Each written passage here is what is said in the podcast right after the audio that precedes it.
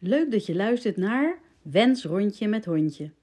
Voor alle moeders die een steuntje in de rug verdienen. Het is mijn wens om vooral moeders weer te laten vertrouwen op hun intuïtie. In de natuur ontladen en van top tot teen opladen. De zintuigen gaan we openzetten, zodat je weer gaat voelen wat goed is voor jou. Ik ga je meenemen naar buiten. Wandel je mee?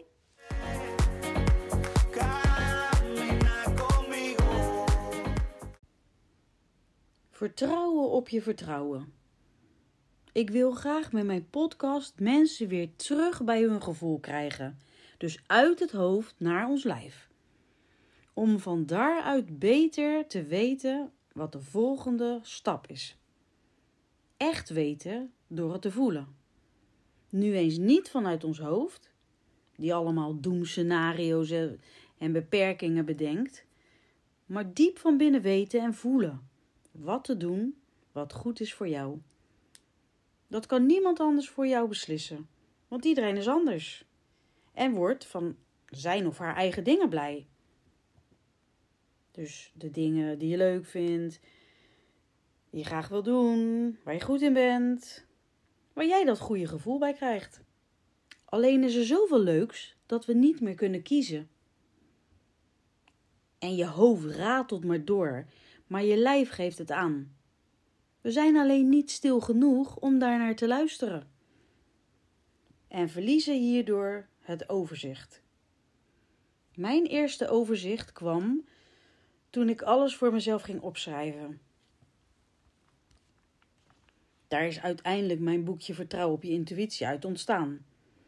Ik vond mezelf niet echt een schrijver, want ik maak ook wel eens spelfoutjes of zinnen kunnen veel beter geformuleerd worden. Toch weerhield mij dit er niet van om te gaan schrijven. Nou, ik kan je vertellen, mijn pen vloog over het papier. En ik hoefde niet na te denken. Nee, dat ging helemaal vanzelf. En dat is schrijven vanuit intuïtie, vanuit je gevoel. En daar heb je helemaal niemand voor nodig. Dat ontstaat door rust te nemen en je terug te trekken en momenten voor jezelf te creëren. Zodat het kan stromen. En dan niet druk maken over de foutjes in je tekst, want dat stopt je schrijfproces. Dan ga je weer nadenken en raak je uit je flow. Dus go with the flow en schrijven. Schrijven, schrijven. Vanuit je gevoel. Om zo overzicht te houden. En wat een overzicht kreeg ik, zeg, toen ik alles opschreef. Ik dacht, maar dit kan zo niet. Zo moeten we niet met onze kinderen omgaan. Dat is toch niet normaal? Nee, dit moet echt beter. En in mijn teksten schreef ik een paar keer dezelfde frustratie. Maar dat maakt niet uit. Dan is het er ook lekker uit. Het redigeren, zoals dat zo mooi heet, dat komt later. En daar kan je ook hulp bij vragen. Dat heb ik ook gedaan bij Marije van Bovenkamp. En zij heeft vooral geschrapt. Zodat mijn verhaal meer kracht kreeg en de goede, mooie, juiste emotie overbleef. En in dit geval de boodschap om altijd te blijven vertrouwen op je eigen intuïtie. De afgelopen jaren ben ik ook weer aan het schrijven. Aangezien ik als een trein vol gas ging en er steeds meer wagonnetjes bij kwamen en ik voelde dat ik te hard ging en te veel deed. Ik wilde weer terug naar dat overzicht. Dus begon ik eens alles op te schrijven wat ik zo al gedaan had dat jaar. En terwijl ik het teruglas, schrok ik er zelf van. Zoveel verschillende dingen voor verschillende mensen. Ik leek wel niet goed. Bam! Eerste besefmoment. Maar dan, hoe kon ik daar verandering in brengen? Wow, waar ging ik schrappen en mensen afzeggen? Ook al voelde het voor mij alsof ik mensen teleurstelde, dit moest echt anders. Maar wist toen nog niet hoe ik dat ging aanpakken. Ik ging meer, vaker en langer met mijn honden lopen Net zoals ik dat jaren geleden met mijn kinderen deed, maar nu alleen. Van inspanning naar ontspanning. Van ontladen naar opladen. Van buiten naar binnen. In de natuur kom je sowieso tot rust. En zeker als je het bewust opzoekt.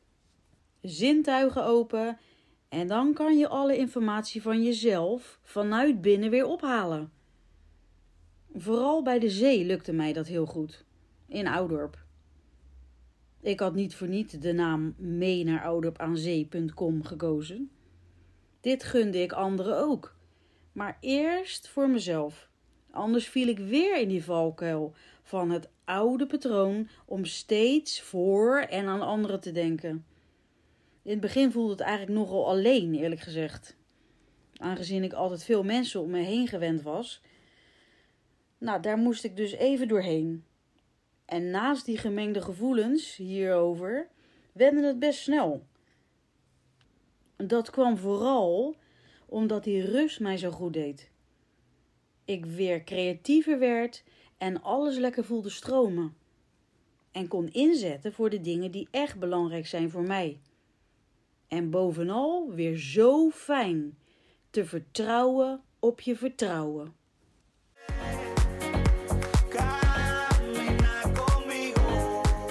Allereerst super bedankt dat je naar deze podcast luisterde.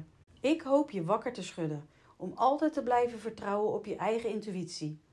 Juist in deze snelle wereld is het zo belangrijk om te blijven voelen. En wil je mij blijven volgen? Abonneer je dan op mijn podcast. Wens rondje met hondje. Gewoon even klikken op abonneren.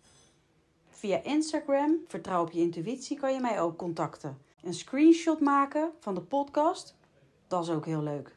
Dank je.